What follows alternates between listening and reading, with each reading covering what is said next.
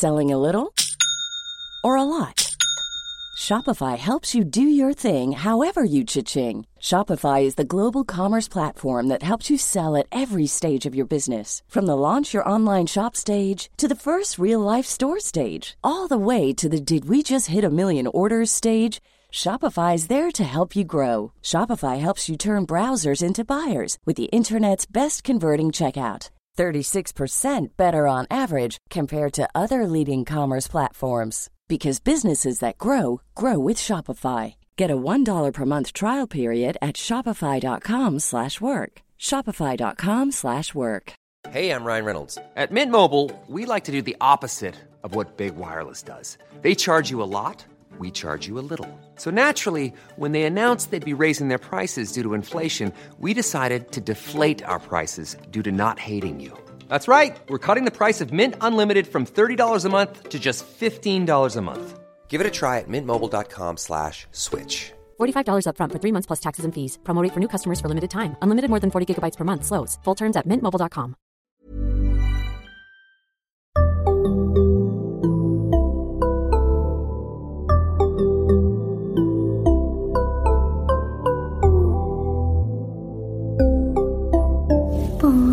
Barnpsykologerna. Välkomna till Barnpsykologerna, en podcast med Liv Svirsky och Lars Klintvall. Eh, där vi idag ska prata om hur man kan hjälpa små barn att reglera sina känslor. Eh, och eh, några av er vet att vi för ett tag sedan hade en intervju med Dan Wetterborg där vi pratade om hur man, kom, hur man som förälder kan hjälpa sitt barn att lära sig reglera och hantera känslor. Och vi snuddade vid det men kom fram till att det här måste vi göra ett helt eget avsnitt om. Och det är dagens avsnitt. Välkommen tillbaks Dan. Tack, Liv. Du kan väl ändå göra så att du presenterar dig lite för de som eventuellt inte hörde det förra avsnittet. Ja, men det kan jag göra. Jag heter alltså Dan Wetterborg och eh, arbetar som psykolog. Och eh, hälften av tiden så jobbar jag inom vuxenpsykiatrin här i Stockholm. Ehm, och träffar då vuxna patienter och, och jobbar med utredning och behandling. Eh, och den andra hälften av min tid då arbetar jag på Karolinska institutet. Så där är jag lärare och, och forskare och, och jobbar mest på psykologprogrammet då, och utbildar framtidens psykologer. Och eh, när jag, både när jag träffar patienter och när jag, när jag forskar och, och utbildar så handlar det ofta om eh, behandling för personer som får väldigt mycket starka känslor. Eh, och som kanske riskerar att göra saker i affekt som blir väldigt problematiska. Så av det skälet så är jag ju liksom van vid att tänka i termer av, av känslor och, och att hantera känslor. Eh, det har liksom blivit viktigt både när jag träffar patienter och när jag undervisar. Just det. Och det som jag tänker, för det förra avsnittet det handlade ju om det här med emotionell instabil personlighetssyndrom hos killar eftersom vi oftast pratar om det hos tjejer. Men en grej som, som kom upp där då det var ju det här med att vi föds med olika känslighet för Mm. och, och, liksom, och blir olika reaktiva. Eh, och att det ju kan vara en sårbarhet i vissa fall. Och det var ju liksom där vi började fundera kring, ja men vad gör man då om man då har, alltså att barn kan vara så olika och hur hjälper vi de barnen som, eller hjälper, jag tänker nog kanske mera, hur lär vi de barnen? För det är ju någonting som de kanske behöver träna lite extra på, att Mm. bli duktiga på att reglera sina känslor för att de, det är lite mer utmanande än för de som, du gav något exempel på, på barn som är liksom väldigt lugna och som man ja, men ligger och är förnöjda nästan hela tiden. Liksom. Mm. De behöver inte träna lika mycket på att hantera sina känslor. Ehm, så här spontant, var, var vill du börja när jag säger det här? Ja, nej men precis så. Det, jag, jag minns ju att det var så vi, vi kom in på det och jag tror att det är hjälpsamt att tänka, om vi börjar i den ändan, att vi tänker oss att det är fullständigt naturligt att barn kommer att vara lite olika varandra med avseende på hur mycket de känner. Mm. Så vi kommer ha vissa barn som, som inte får så mycket starka känslor och, och kanske framförallt inte så mycket starka såna smärtsamma känslor. Alltså, de blir inte jättearga och de blir inte jätterädda och så. Och så kommer vi ha andra barn som har lättare för att bli arga och, och ledsna och rädda och så. Så att bara det är att, att eh, börja med att konstatera att det är fullständigt naturligt att, att det finns en variation hos, hos våra barn. Och att, att det inte är ett tecken på att det är någonting som är fel. Eh, och att vi kan räkna med om man, om man skaffar lite flera barn. Eh, jag har ju förmånen att få ha tre stycken barn. Så. Och då, många föräldrar som har fler barn, de lägger märke till att, att uh, syskonen är lite olika Mm. uh, i det här avseendet. Och så är det hos oss också. Uh, och bara det att, att, att notera det och komma ihåg att det är det naturliga. Det naturliga är variation. Just och det gäller ju många egenskaper som vi, som vi har, vi människor. Mm. Så det tycker jag, det är en bra ingång. Liksom. Och, det kan, och precis som du säger, det kan vara det kanske är så att, att det inte nödvändigtvis är att allt är lättare eh, för ett barn som föds med en, en mindre känslighet. Eh, det kanske är andra utmaningar. Så, Mm. Det kanske är andra saker som vi behöver eh, vara lyhörda inför och hjälpa det barnet med. Så. Eh, men precis, och så kan det vara andra utmaningar då med ett barn som känner väldigt starkt och, och känner mycket och så. Eh, och, jag, och det är klart att det, är- det är den gruppen av, av barn som jag är mest van vid, eh, i alla fall när de har vuxit upp och blivit vuxna. Då. Och utifrån det perspektivet då, när du träffar dem. Om man då tänker att så här, om man hade fått dra tillbaka tiden. Vad hade, man, vad hade de blivit hjälpta av? Eller liksom, vad hade kunnat underlätta för dem? Hur skulle man Mm. vilja bemöt, ha bemött dem? Ja, alltså, jag, om jag, alltså det är ju så. Det går inte att blunda för det att, att jag försöker ju eh, ta hand om mina barn. Eh, precis som alla försöker jag göra det på, på bästa möjliga sätt. Så. Men, men, men hur jag pratar med mina barn är ju färgat av det här. Mm. Så, så, att, så brukar jag tänka, vad är det jag gör med mina barn som jag gör i kraft av att jag har arbetat med det jag arbetar med och tänker på de här sakerna. Så. Och då skulle vi väl kunna säga att det är egentligen två grejer. Och den första grejen är att jag vill hjälpa mina barn att förstå att det är naturligt att känna känslor.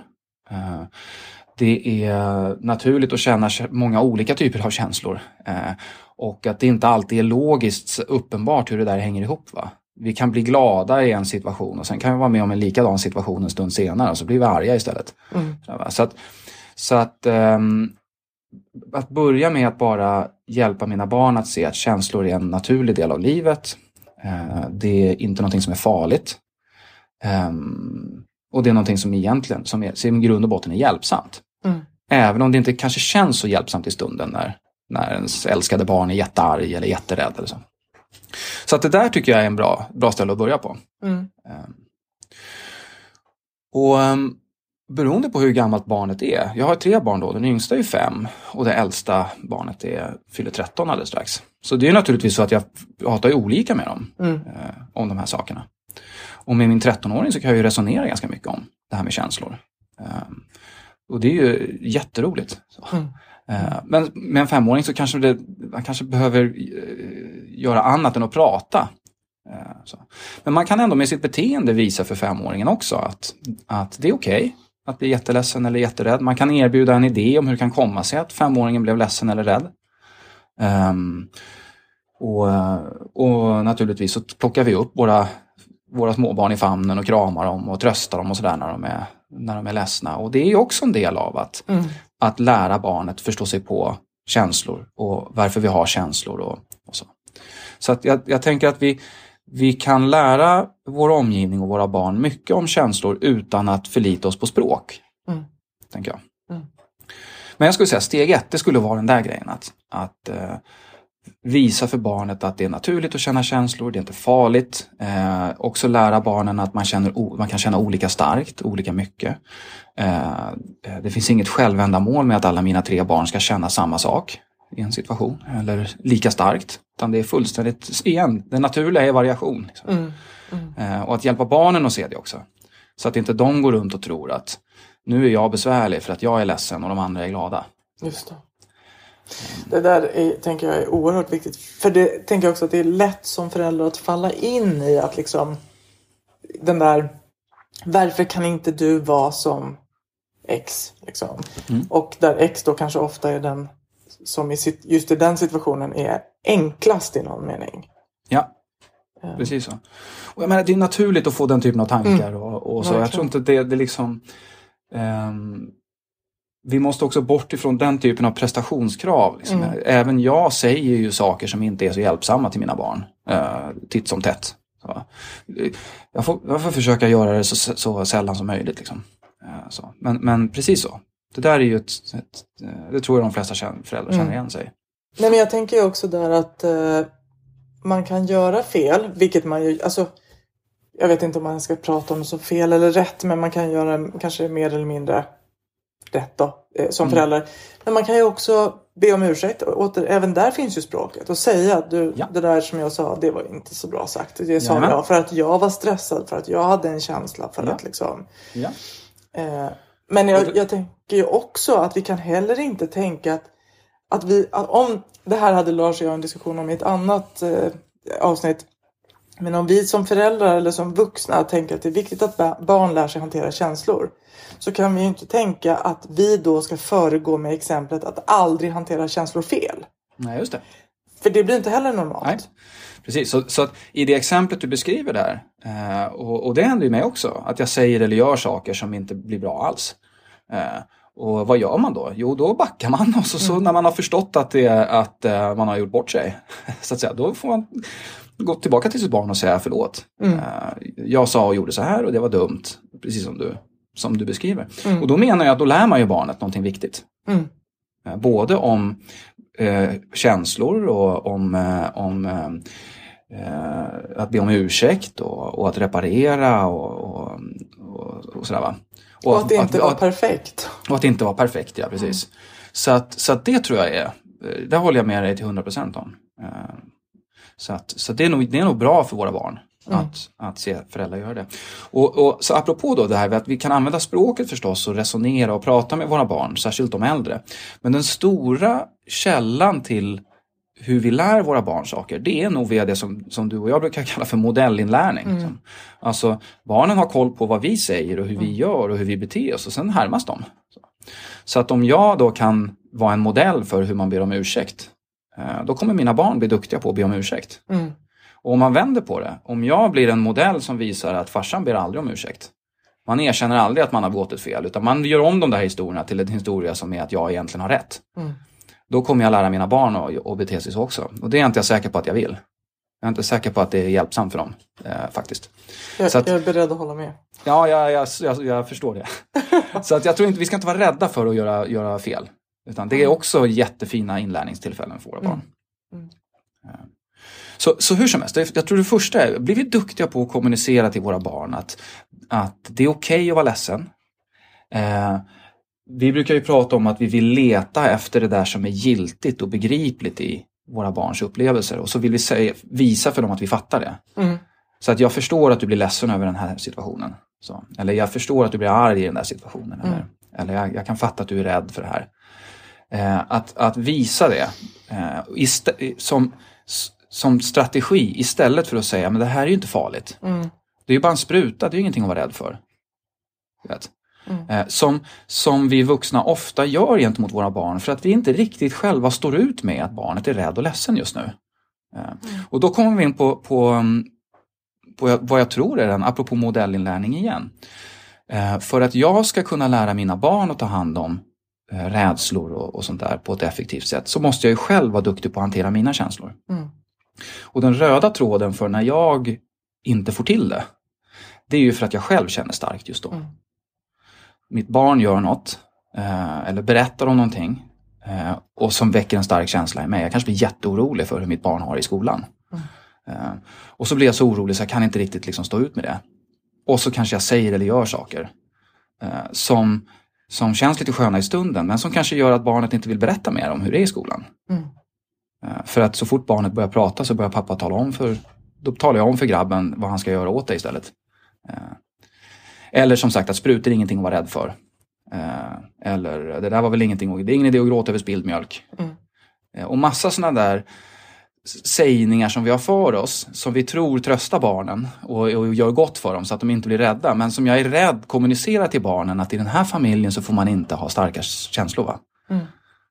Eh, Är du med jag tänker? Mm, absolut. Och det är den vi vill akta oss för.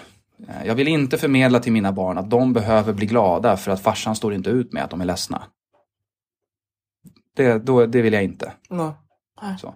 Eller, eller de kan inte berätta om hur illa det faktiskt är i skolan för då blir farsan så orolig. Mm.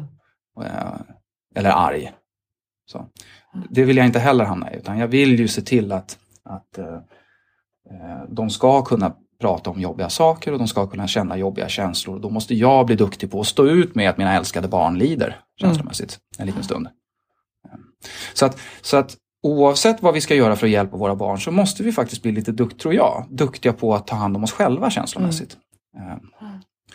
Enligt den där gamla klassiska flyginstruktionsvideon, du vet att man måste på med masken själv först innan man, man äh, sätter mm. på sina barn. Mm. Så det är också en sån som jag tror är, får vi med någonting i, det här, i den här podden om att man behöver bli duktig på att förstå sig på och ta hand om sina egna känslor. Mm. Och så behöver man bli duktig på att kommunicera till sina barn att det är okej okay att vara ledsen. Mm. Och de behöver inte bli glada för, för min skull. Men du, en liten fundering där kring det här med att jag förstår att du är rädd eh, i, eller i relation till jag ser att du är rädd. Mm. För den tänker jag ibland att, att, um, att det är också ett sätt att bekräfta barnets känsla att jag ser att det här är jobbigt för dig. Ja. Det, det, är liksom, till exempel en spruta, det är inte farligt. Så det finns egentligen ingen anledning att vara rädd. Men mm. jag ser att du är det. Ja. Alltså att, att se på något sätt blir ett sätt just att uttrycka att, att jag ser dig. Men, men kanske också att, att liksom skicka den indirekta budskapet att men det finns inget farligt här. Exakt, så då kommer vi in på den andra delen. Om vi tänker oss att vi har så I mitt huvud så, jag, så jag kan inte ha så många saker i huvudet samtidigt så jag får räcka med, med två. Liksom. Så om vi har del ett, det är det här med att jag vill förmedla att det, det är och jag, Om vi bara börjar med så här, är det begripligt att min femåring blir rädd eh, för en spruta hos, hos doktorn? Det är klart att det är. Mm. Eh, hur ska han kunna veta att det är mm. ofarligt? Mm. Någon, någon ska sticka honom i armen, det kommer göra ont. Liksom. Eh, det är klart att han är rädd för det. Um, är det farligt? Nej, det är det inte. Men kan man förvänta sig att en femåring ska fatta det? Mm. Det kan man ju inte. Mm. Så, så om, jag, om vi bara... Det måste ju finnas sätt för mig att kommunicera till honom mm. att det är begripligt att du är rädd för sprutan. Det, du lider inte av en allvarlig psykisk störning. Uh, är du med? Det här är inte, mm. Förstår du? Mm. Det måste man kunna säga på något sätt och visa mm. för barnet. Och, men betyder det att han inte ska få en spruta? Men det är klart att det inte gör. Mm. Det är inte lösningen. Eh, det, det, är absolut inte lösningen. Utan lösningen är att han ska ha en spruta. Och ibland har jag ju märkt att mitt försök att bekräfta barnet och, och sånt, det gör ju att lidandet bara förlängs. Mm. För att det dröjer så länge innan sprutan kommer. Och så, sitter, och så pratar vi och han blir inte så jättelugnad av det. Så ibland tänker jag ibland är det bättre att bara ge en sprutan så snabbt som möjligt. Så, så det är också den liksom mm. Eh, det, alla kanske inte är så snackiga som jag är. Men jag har märkt att ibland så pratar jag i lägen där man kanske inte behöver prata så mycket. Det kanske räcker med att bara säga, ja, det är klart att det här är jobbigt. Nu ska vi ta sprutan ändå. Nu kör vi. Mm. Mm. Men precis så. Det, det, bara det där att, att ställa sig själv frågan, är det här, är det här begripligt? Have catch yourself eating the same flavorless dinner three days in a row? Dreaming of something better? Well, HelloFresh is your guilt-free dream come true, baby. It's me, Gigi Palmer. Let's wake up those taste buds with hot, juicy pecan-crusted chicken or garlic butter shrimp scampi. Mm. Hello Fresh. Stop dreaming of all the delicious possibilities and dig in at HelloFresh.com. Let's get this dinner party started. This is Paige, the co-host of Giggly Squad, and I want to tell you about a company that I've been loving, Olive and June. Olive and June gives you everything that you need for a salon quality manicure in one box. And if you break it down, it really comes out to $2 a manicure, which is absolutely insane. It's also so easy to get salon worthy nails at home with Olive and June. The difference between how your nails used to look when you did them yourself and now with the Manny system is a complete game changer. The best thing about Olive and June too is it's a quick dry, dries in about one minute, lasts for five days, and full coverage in up to one to two coats. Visit oliveandjune.com slash perfect Manny 20 for 20% off your first system. That's oliveandjune.com slash perfect Manny 20 for 20% off your first system system. Hey, it's Ryan Reynolds, and I'm here with Keith, co star of my upcoming film, If, only in theaters, May 17th. Do you want to tell people the big news? All right, I'll do it. Sign up now and you'll get unlimited for $15 a month in six months of Paramount Plus Essential Plan on us. Mintmobile.com slash switch. Upfront payment of $45 equivalent to $15 per month. Unlimited over 40 gigabytes per month. Face lower speeds. Videos at 480p. Active Mint customers by 531.24 get six months of Paramount Plus Essential Plan. Auto renews after six months. Offer ends May 31st, 2024. Separate Paramount Plus registration required. Terms and conditions apply if rated PG. begripligt utifrån mitt barns ålder. Mm. Eh, det, är ju, det är ju begripligt att barn lägger sig i, i affären och skriker efter godis. Eh, om jag skulle göra det så skulle det se lite märkligt ut. Så, men det är ju inte, det är, inte, det är, det är begripligt, det är inte sjukt liksom. Det är inget Mm. konstigt med det. Nu pratar Och- du om barnet, inte om dig. Ja, exakt, precis. Tack. Tack. Tack. Eller, eller gör jag? Ja, nej, men, men, men, eh, och som sagt, lösningen är ju inte att vi ska ge dem godis när de lägger sig ner. Mm. Men bara det att vi påminner oss själva om att det här, det är inget fel på mitt barn. Det här är begripligt. Mm. Så. Och, och jag tar barnet bort ifrån godiset med lite medkänsla och kärlek. Liksom. Och kanske så snabbt som möjligt så att det blir så kort lidande som möjligt. Mm. Så den andra delen, som, det är den vi pratar om nu, det är det att jag tänker att vi behöver också hjälpa barnen, utöver att de behöver bli duktiga på att förstå sig på sina känslor och tolerera eh, smärtsamma känslor, så behöver de faktiskt också bli duktiga på att kunna förändra dem. Mm. Och, och vi vet ju om rädsla till exempel, så vet vi att om vi är rädd för något som inte är farligt, om vi då närmar oss det och gör det om och om igen, så blir vi inte så rädda längre. Så det är ett klassiskt klockrent exempel på hur vi hjälper barn hantera rädsla. Mm. Eh, Men, men det blir ju mycket lättare att göra det om vi inte först skäller ut barnet för att barnet är rädd.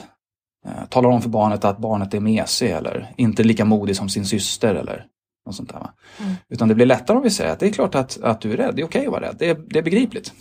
Eh, Jag är också rädd för saker som inte är farliga. Mm. Eh, Så. Men lösningen är, är det inte farligt så gör vi det ett par gånger så, så blir det mindre läskigt. Mm. Så att, eh, eller samma då, är man ledsen så kanske man, barnet kanske vill dra sig undan och, och, och inte vara med resten av familjen och eh, eh, inte vara med och leka eller sådär. Va? Och det, vi kan förstå att barnet vill det. Men vill vi hjälpa barnet att bli mindre ledsen så kommer vi kanske behöva hjälpa barnet att delta och vara med ändå. Mm. Fast man inte har lust. Mm. Och så efter ett tag så kommer lusten. Och det vet vi också en del om. Att vi, vi vet att om vi gör tvärt emot vad det känns eh, så kan vi förändra känslan. Mm. Så i de där lägena när jag, när jag har en dålig dag och bara vill vara hemma och dra för persiennerna och lägga mig i sängen och inte kliva upp. Så är det förmodligen inte hjälpsamt att göra det. Det är förmodligen mer hjälpsamt att ta mig ut just den dagen och träffa några vänner. Eller sådär. Så, så, så del två i det här, det tycker jag handlar om att vi, vi vet en del om hur vi kan förändra känslor. Och vi behöver hjälpa barnen att lära sig det. Mm. Så drömmen är att barnen själva lär sig att om jag är rädd för någonting som inte är farligt, om jag gör det ett par gånger då så är jag inte rädd längre. Och det där tänker jag är så, så otroligt viktigt också. För att, för att det barn som upplever, och alla människor som upplever starka känslor mer eller mindre instinktivt vill, det är ju att fly ifrån det. Ta bort det här. Ja. Och ska vi lära barn att hantera starka känslor så måste vi ju lära dem att vara kvar. Ja. Att det kommer att gå över och, och någon slags stå ut-färdigheter ju. Ja. Ja, jag tänker att det där är så otroligt viktigt också då. Att vi inte varken signalerar, modellerar eller gör så att barnet får komma ifrån det varje gång. Därför att då lär de sig ju aldrig. Nej. Även om det är fruktansvärt plågsamt som förälder att liksom Ja. hålla kvar ett barn i en obehaglig upplevelse. Där kan jag verkligen säga att det där, jag har ju gjort det några gånger med, med mina barn. Mm. Och det är ju en sån här grej som jag, jag, tror, jag tror ärligt talat, jag hade nog aldrig gjort så. Om det inte hade varit så att jag jobbade med det jag jobbar Ja. med. Och jag, tänker på, jag tänkte på det innan när jag visste att vi skulle prata om det här, Mm. Liv. Så jag minns en situation med min mellanson Simon, när vi var i, i Solna centrum. Och han är ju tio idag, han, han var ju betydligt yngre här. Ehm, och han var rädd för rulltrappor. Och han, hade, han var inte så stark liksom, i kroppen heller, så att allt sånt där som kräver balans och sånt, det var liksom svårt och läskigt. Men han var rädd på ett sånt sätt så att jag tänkte att det här, det här kommer vi kanske behöva göra någonting åt. Och jag tog den lite på volley, så att det var en kort liksom, rulltrappa i Solna centrum. Så, så förklarade jag för honom att nu, jag märker att du är rädd för det här och, och jag förstår att du är rädd för, för de här grejerna. Och jag är också rädd för saker som inte är farliga. Men nu ska jag hjälpa dig så att när vi är klara här så kommer du inte vara rädd för rulltrappor längre. Eh, liksom, jag har goda och dåliga nyheter. så att säga. Den goda nyheten är att om, om en liten stund så är du inte rädd för rulltrappor längre. Den dåliga nyheten är att nu kommer vi åka rulltrappa tills du är lugn.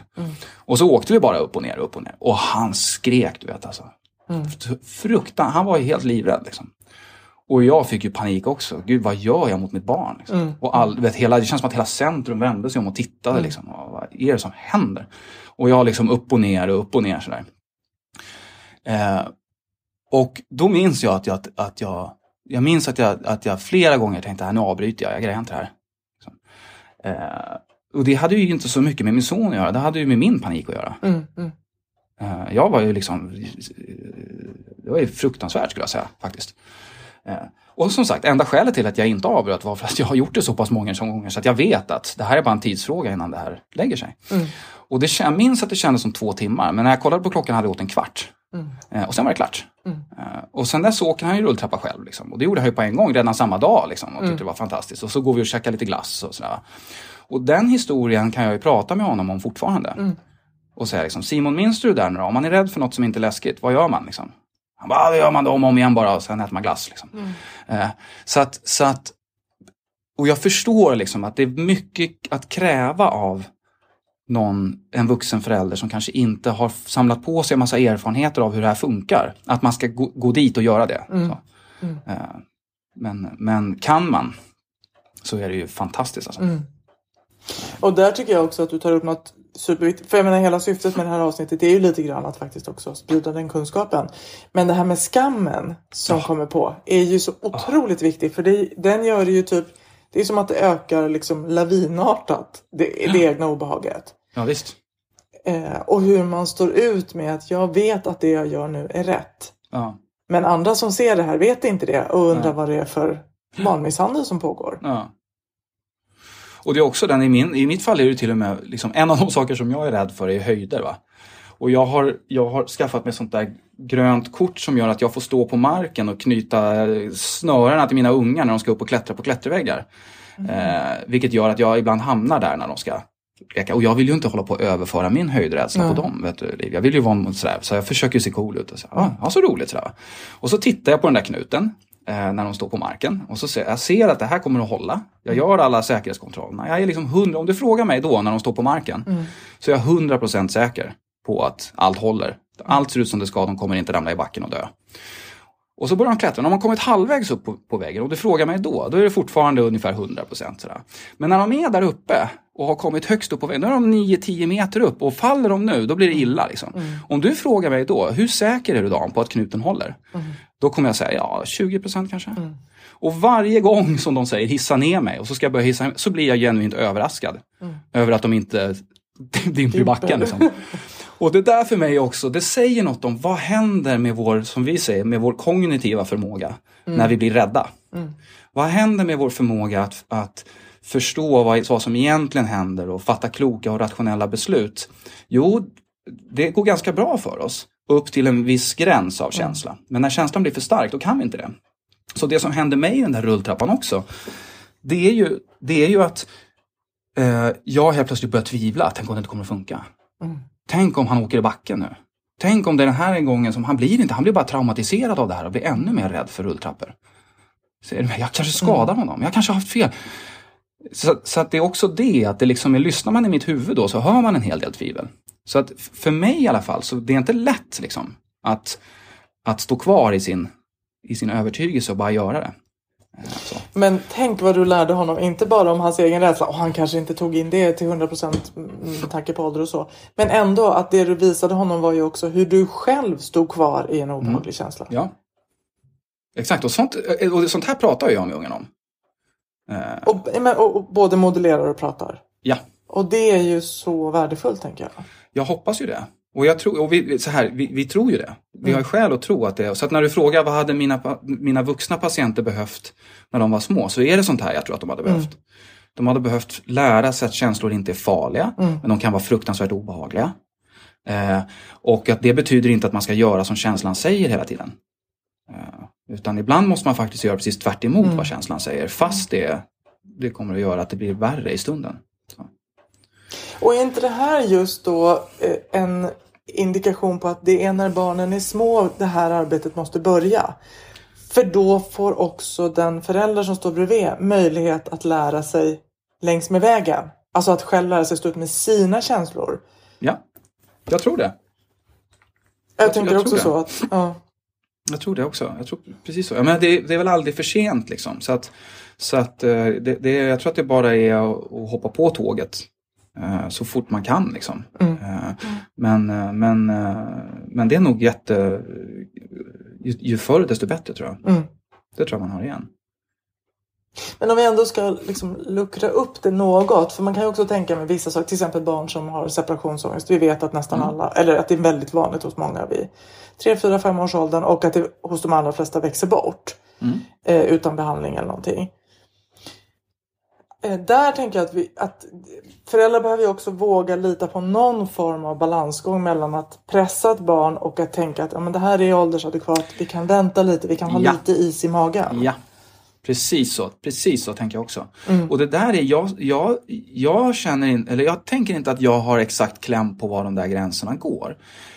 Men jag tror att bara det att vi funderar om det här och pratar med den andra föräldern om det här tror jag är hjälpsamt. Eh, Och så har det varit hos oss också. Jag kommer ihåg när, när vår första eh, Adam som är äldst, han fick börja sova i en egen säng ganska tidigt. Och så gjorde vi liksom en grej av det här med att, att han skulle bli duktig på att sova själv i sitt rum. Och jag tänkte då att det är bra för att han, han kom, det, det är lätt, han, jag gör honom en tjänst nu va. För att han blir trygg om han kan sova själv. Och, så liksom, och så det är jobbigt nu men vi har igen det sen. Så det var rätt jobbigt f- kanske för både honom och mig där. Och sen så, så har jag ju, sen dess har jag läst en del studier som pekar på att så här, ja, men det är rätt bra för ungar att sova i med mamma och pappa. Det är åtminstone inte skadligt, som jag trodde. Vilket gör att, att lilla Lukas nu då, som är yngst, han, han är vi mycket mer liberala med. Liksom. D- Men det har ju att göra med att, eh, att, jag, att vi mer har landat, ja men det här kommer ju lösa sig. Det är väldigt få liksom 18-åringar som vill sova med sina föräldrar. Eh, det tror jag. Så att det, det kommer nog lösa sig av sig självt. Va? Så det där tror jag att du har helt rätt i också. Att bli duktig på att avgöra, är det här någonting som vi måste kanske jobba mer aktivt med? Eller är det bara någonting som kommer växa bort? Och i mitt fall till exempel som är när ungarna slåss då, då vilket de gör. eh, Det är också sådär, det är också ett fantastiskt tillfälle att, både prata med barnen om, om sånt här och påminna sig själv om att, ja just det, just det, just det, femåringar slåss liksom. Exakt, att min femåring kan slå min 13-åring med ett tillhygge. Liksom. Eh, Det, det är rimligt liksom, för en femåring. Det, är- det är mer problematiskt jag tycka om min 13-åring slår folk med tillhyggen. Liksom. Jag har olika förväntningar på, och om jag börjar slå folk med tillhyggen, då, då får jag problem. Liksom. Eh, Men de flesta av de femåringar vi har som slår sina syskon med tillhyggen, de kommer inte slå andra människor med tillhyggen. Som 30, det, är ni med? Det naturliga är ju förstås att, att det här det löser sig. Så. Och jag tror inte att vi behöver ingripa och, och igen kanske riskera att förmedla till våra barn att det är något fel på dem. När de gör saker som de egentligen borde sluta med. Eh, Så att det är klart att det är en, någon sorts trade-off och precis som du säger, en balans. Där. Man blir liksom lite, lite duktig på att hitta när, när behöver vi ingripa och när behöver vi bara lita på att det här löser sig. Tänker jag. Och det är såklart inte helt lätt, i synnerhet kanske om man har då ett barn som, är- som är lite mer reakt- reaktivt och som liksom gasar känslomässigt i många situationer. Eh, å andra sidan ska man väl säga att har man ett sånt barn, ja då kanske man behöver ingripa lite tidigare. Nej, precis. När vi pratar om det hemma med, med ungarna så, så kan jag höra mig själv säga sådana saker som att att det här är liksom som naturens kretslopp. Va? Det är ungefär som det där med vatten som förångas och blir till moln och sen ramlar ner igen. Liksom. Att det bara, så här, eh, ert jobb är att bråka med varandra och slåss med varandra och mitt jobb är att tala om för er att sluta med det. Eh, och så kommer vi hålla på så ett tag och sen så löser det sig. Liksom. Eh, Men bara den grejen hjälper mig att avdramatisera det lite grann. Så. Det, lösningen är inte att jag inte säger till dem att de inte får slåss. Mm. Det tänker inte jag är en bra lösning. Mm. Eh, Men bara det att jag påminner mig själv om att det, är, det här är inte nödvändigtvis ett, ett, liksom ett allvarligt antisocialt beteendeproblem. Liksom. Är du med? Det, det, man, man desarmerar situationen lite grann på ett sätt som jag tror kan vara hjälpsamt. Så att vi inte behöver få panik. Så. Men vi måste fortfarande säga åt dem att inte slåss. Men då om man skulle lyfta blicken lite då, om man tänker sig att man skulle jobba på en mer någon slags preventiv nivå som skulle gälla alla barn. Ja. Vad kan vi göra generellt för att hjälpa barn att hantera känslor? Ja, Jag tänker i och för sig att du kanske redan sa det när du pratade inledningsvis om det här med vikten att prata om känslor. Det kanske är det. Ja, det kanske det är. Precis, det, det är klart att det är att, att det här med att nor, liksom normalisera känslor och, och, och prata om känslor. Eh, det kommer vara en stor nyckelgrej tror jag. Det som får mig att sitta och tänka sådär, och liksom, det är ju det här med att, att ja, men hur kommer det sig till exempel att de patienterna som jag träffar när de är vuxna, att de hade kanske inte tillgång till det här och inte någon möjlighet att få det här när de var små. Ja, de kanske levde i väldigt utsatta miljöer. Alltså de kanske hade vuxna som hade ganska allvarliga psykiatriska problem eller hade så, kämpade så med, med, med andra problem och, och allt från liksom fattigdom och trångboddhet till liksom det ena med det fjärde. Um, så att, så att jag, man säga, jag, jag, vill inte heller att vi landar i någon sån här um,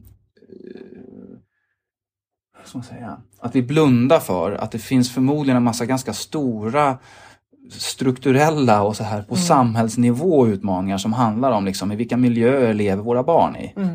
Uh, så. Och att, mm. att, uh, att vi, kommer, vi kommer att behöva göra, fortsätta göra mycket jobb för att se till att barn har det tryggare uh, i Sverige.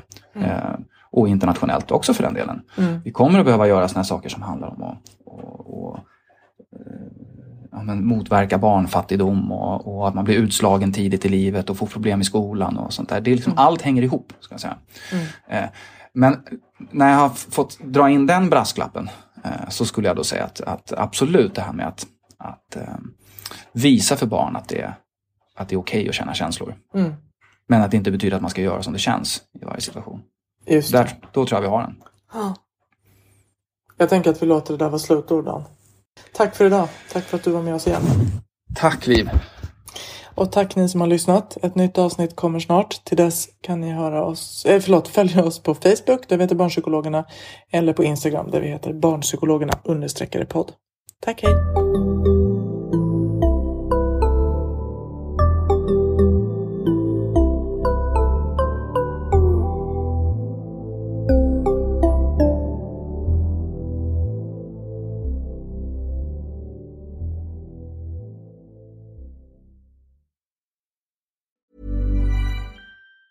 Even on a budget, quality is non-negotiable. That's why Quince is the place to score high-end essentials at 50 to 80% less than similar brands. Get your hands on buttery soft cashmere sweaters from just 60 bucks, Italian leather jackets, and so much more. And the best part about Quince, they exclusively partner with factories committed to safe, ethical, and responsible manufacturing. Elevate your style without the elevated price tag with Quince. Go to quince.com slash upgrade for free shipping and 365-day returns. Ever catch yourself eating the same flavorless dinner three days in a row?